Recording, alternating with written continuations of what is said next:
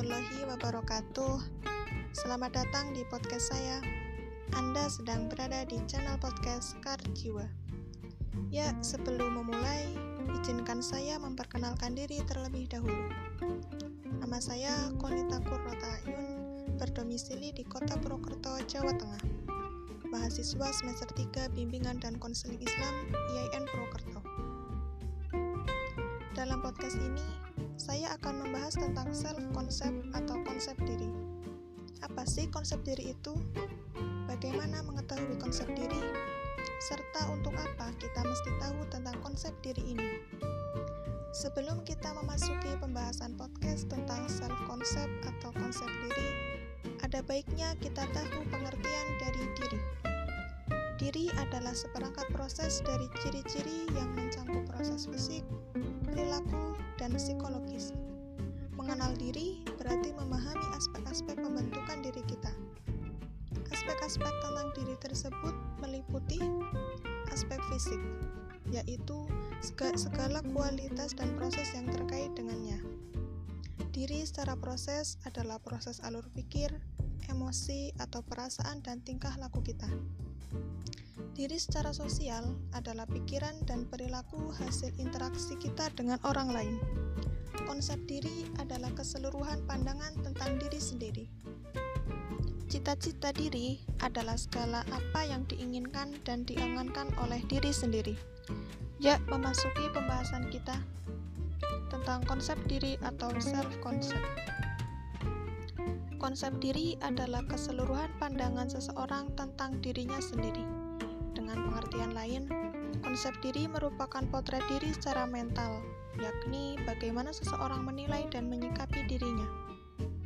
Pemahaman diri dan kualitas diri adalah proses yang sangat penting dalam meningkatkan mutu kehidupan. Dengan mengenal diri, maka akan mengantarkan kita kepada tahap-tahap hidup yang berkualitas. Tidak saja dalam bergaul dan berinteraksi dengan orang lain, tetapi juga untuk mengarahkan dan mengembangkan diri, membuat perencanaan pendidikan dan karir, memecahkan permasalahan pribadi dan sosial secara realistis, beradaptasi dengan perubahan-perubahan dalam bahkan untuk dapat saling menerima dan menghargai orang lain. Konsep diri terbagi menjadi dua, yaitu konsep diri positif dan konsep diri negatif. Yang pertama, konsep diri positif. Konsep diri positif ada dalam diri orang di mana ia dapat menerima dirinya secara apa adanya dengan segala resiko, baik kekuatan maupun kelemahannya. Ia memiliki pengetahuan dan wawasan yang luas tentang dirinya, dapat membuat harapan-harapan dan perencanaan yang masuk akal, serta kemungkinan besar dapat dicapainya. Kepribadian seperti ini tidak membuatnya merasa terancam dan cemas jika dikritik, maupun jadi murung ketika menerima informasi negatif tentang dirinya.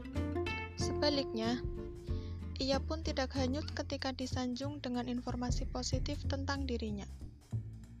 Begitulah gambaran orang yang memiliki konsep diri yang positif. Dia mampu memposisikan dirinya secara tepat dan wajar. Yang kedua adalah konsep diri negatif. Konsep diri negatif terjadi pada individu yang tidak terlalu banyak mengerti tentang dirinya, dengan kata lain, tidak melihat dirinya secara utuh.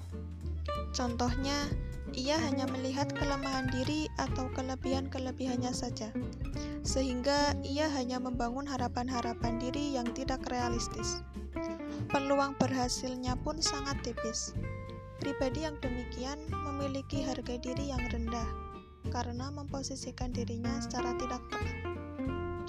Sahabat Sekar Jiwa Podcast, kita bisa menguji self-concept atau konsep diri kita, salah satunya dengan membuat pertanyaan dan menjawabnya secara mandiri. Contoh yang pertama, apa hal-hal yang paling Anda sukai atau syukuri atas diri dan kehidupan Anda? Yang kedua, di antara karya seni, lagu, lukisan, sastra, dan lain-lain, apa yang paling bermakna dalam kehidupan Anda? Yang ketiga, pengalaman pada masa kecil apa yang sangat mengesankan Anda? Yang keempat, seandainya menjadi tokoh atau bintang, Anda ingin menjadi siapa? Berikut alasannya. Dan pertanyaan yang terakhir, jika mempunyai kemampuan untuk melakukan, Anda akan mengubah diri Anda khususnya dalam hal apa? Ya, pertanyaan-pertanyaan sederhana tersebut dapat sahabat coba secara mandiri. Sahabat Sekar Jiwa Podcast, pembahasan selanjutnya adalah mengenai potensi diri. Pada dasarnya, setiap manusia memiliki kekuatan dan potensi masing-masing. Tapi sampai saat ini, masih banyak yang belum menyadari potensi di dalam dirinya sendiri.